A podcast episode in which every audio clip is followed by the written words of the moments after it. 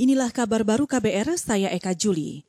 Presiden Joko Widodo mengklaim pemberian tanda kehormatan bagi Wakil Ketua DPR periode 2014-2019, Fahri Hamzah dan Fadlizon, sudah melalui pertimbangan matang. Jokowi menyebut mereka berjasa terhadap bangsa dan negara, meski kerap berseberangan dalam politik dengannya.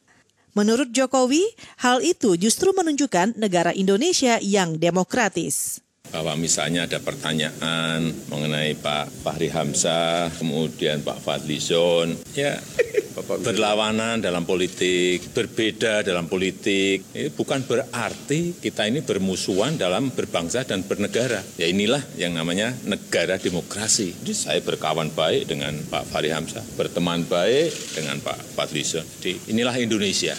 Itu tadi Presiden Joko Widodo. Dalam kesempatan yang sama, Fahri Hamzah mengatakan Presiden selaku kepala negara ingin menjaga persatuan dan kebersamaan. Hal itu penting mengingat kondisi bangsa yang tengah berjuang di masa pandemi. Sementara itu, Fadlizon mengapresiasi penghargaan itu sebagai bentuk pengakuan terhadap demokrasi. Saudara Wakil Kapolri Gatot Edi Pramono ditunjuk sebagai Wakil Ketua Pelaksana II Komite Penanganan COVID-19 dan Pemulihan Ekonomi Nasional.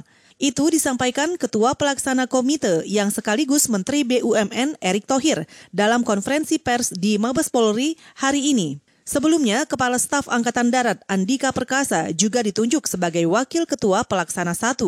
Erik mengklaim pelibatan TNI Polri bukan untuk menakuti masyarakat, tetapi untuk mendukung sosialisasi adaptasi kebiasaan baru hingga level bawah. Peningkatan kedisiplinan, peningkatan sosialisasi yang akan dilakukan oleh Polri menjadi hal yang sangat signifikan dan sangat penting dalam arti supaya masyarakat bisa membantu daripada sukses dari penanganan COVID-19 ini. Dan kita akan fokuskan di 83 ribu tentunya kelurahan dan desa. Menteri BUMN Erick Thohir juga menambahkan Polri bersama TNI juga bakal dilibatkan saat imunisasi massal vaksin COVID-19 yang ditargetkan paling lambat pada Februari tahun depan. Menurutnya, Polri memiliki tenaga medis dan fasilitas kesehatan yang memadai untuk mendukung vaksinasi. Saudara, kita ke soal korupsi. Terpidana korupsi kasus proyek Wisma Atlet Hambalang M. Nazarudin bebas murni setelah dua bulan menjalani masa cuti jelang bebas di Balai Pemasyarakatan Bandung. Mengutip kantor berita antara, Nazarudin cuti jelang bebas sejak 14 Juni 2020.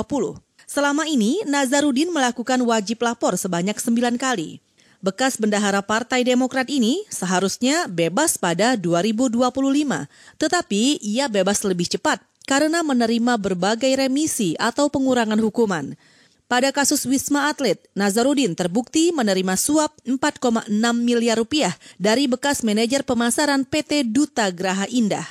Hukumannya kemudian diperberat Mahkamah Agung menjadi tujuh tahun. Selanjutnya, vonis Nazarudin ditambah enam tahun karena terbukti menerima gratifikasi dan melakukan pencucian uang untuk sejumlah proyek.